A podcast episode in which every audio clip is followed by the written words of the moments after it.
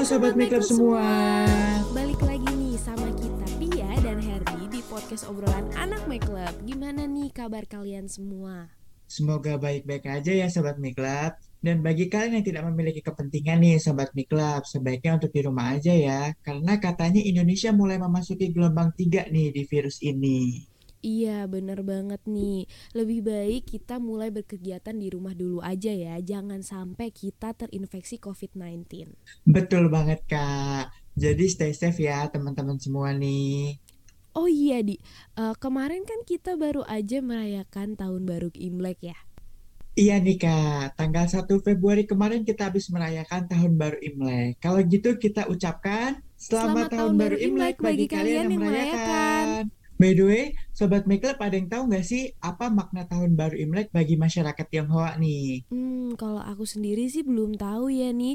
Eh, memangnya apa sih di artinya untuk mereka dan sama nggak sih seperti gimana kita ngerayain tahun baru pada umumnya? Nah, Tahun Baru Imlek itu merupakan perayaan terpenting bagi masyarakat Tionghoa nih, teman-teman. Perayaan Tahun Baru Imlek dimulai pada hari pertama bulan pertama di penanggalan Tionghoa dan berakhir dengan Cap Gomeh pada tanggal ke-15 pada saat bulan purnama. Atau secara singkatnya sih teman-teman, Tahun Baru Imlek ini dijadikan sebagai pesta untuk menyambut datangnya musim semi nih, Sobat Oh, Mikla. begitu. Aku baru tahu loh di. Eh, terus ada Hmm. nggak sih tra- tradisi-tradisi yang biasanya dilakukan oleh masyarakat Tionghoa itu sendiri dalam merayakan tahun baru Imlek? Ada nggak? Nah, kalau itu ada Kak. Kalau untuk tradisi yang mereka lakukan itu biasanya mereka banyak berbagi te- eh, berbagai tema Kak. Untuk tradisi yang mereka lakukan itu biasanya eh, mereka banyak berbagi tema umum seperti penjamuan makan malam pada makan malam tahun baru serta penyulutan kembang api nih. Dan ada beberapa dari mereka yang merayakan dengan berpesta eh, mengunjungi keluarganya tuh, Sobat Mikla. Oh gitu. Eh, di tadi kan kamu Ah, ada sebut tuh cap gomeh. Eh, cap ah, gomeh itu iya. apa ya? Jadi gini Kak, yang aku tahu menurut budayawan Jengkityo, secara garis besar, perayaan Tahun Baru Imlek dibagi menjadi tiga bagian nih Sobat Miklab. Di antaranya Imlek, Sembayang Tuhan Allah, dan Cap Gome. Jadi bagian pertama Imlek lekat dengan Festival Naga dan Barongsai. Oh, Festival Naga dan Barongsai itu yang dipercaya untuk eh, dapat mengusir roh jahat dan hawa buruk bukan, Di? Yes, betul sekali. Naga, barongsai, tatabuhan, dan petasan dipercayai bisa mengusir roh jahat loh. Dan mengusir hawa buruk nih Sobat Hmm, Miklab. gitu. Lalu di bagian kedua, pada pekan pertama warga keturunan Tionghoa melakukan sembahyang Tuhan Allah nih. Oh, makanya eh, di vihara maupun kelenteng-kelenteng tuh selalu jadi ramai ya? Iya Kak, benar banget. Karena mereka yang akan melakukan sembahyang di muka pintu pada pukul 12 malam. Sembahyang yang dimaksud untuk berterima kasih kepada Tuhan nih, Sobat Miklab. Oh, kayak gitu ya. Lalu pada bagian ketiga gimana, Di? Nah, pada bagian ketiga minggu kedua adalah perayaan Cap Gomeh nih teman-teman.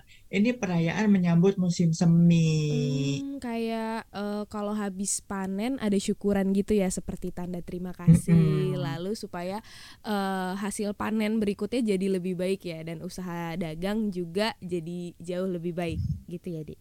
Bener banget, Kak.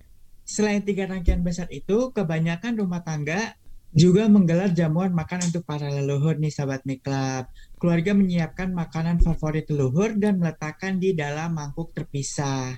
Jamuan dimulai dengan sembahyang pada Tuhan, kemudian memanggil roh leluhur lewat Dewa Bumi. Karena mereka percaya bahwa para leluhur ditanam di bumi nih, sahabat Miklab. Eh, Iya aku tahu nih di mengenai ini. Jadi jelang Imlek Hmm. itu ada makan bersama leluhur. Jadi setelah eh, disediain makanannya, habis itu 2 sampai 3 jam lalu ditanyakan nih kepada leluhurnya sudah selesai makan apa belum dengan melempar dua keping koin. Jadi kalau kedua kepingan koin ini menunjukkan gambar yang berbeda, artinya leluhur sudah selesai makan, sudah selesai menikmati jamuan makanan. Tapi kalau eh, kedua kepingan koin ini menunjukkan gambar yang sama, jadi berarti leluhur belum selesai makan.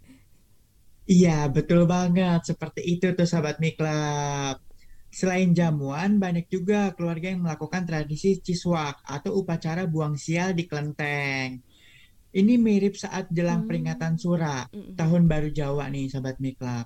Orang-orang percaya dengan memotong sedikit bagian rambut dan membuang pakaian lama ke laut, maka kesialan akan hilang nih, Sobat Miklab. Oh, seperti itu ya.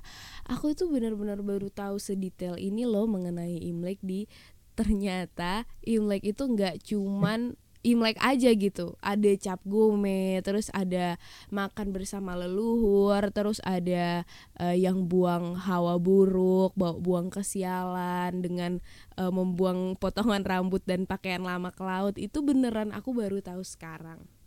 Betul banget ya, aku juga baru mempelajari ini beberapa hari terakhir nih tentang Oh, Imlek. Oke. Jadi makanya aku bisa tahu. Mm, mm, mm. Nah, semoga podcast obrolan anak Miklub kali ini mengenai tahun baru Imlek bisa menambah insight untuk sobat-sobat Miklub semua nih. Iya, bener banget di. Ini sangat menambah insight, terutama buat aku sendiri.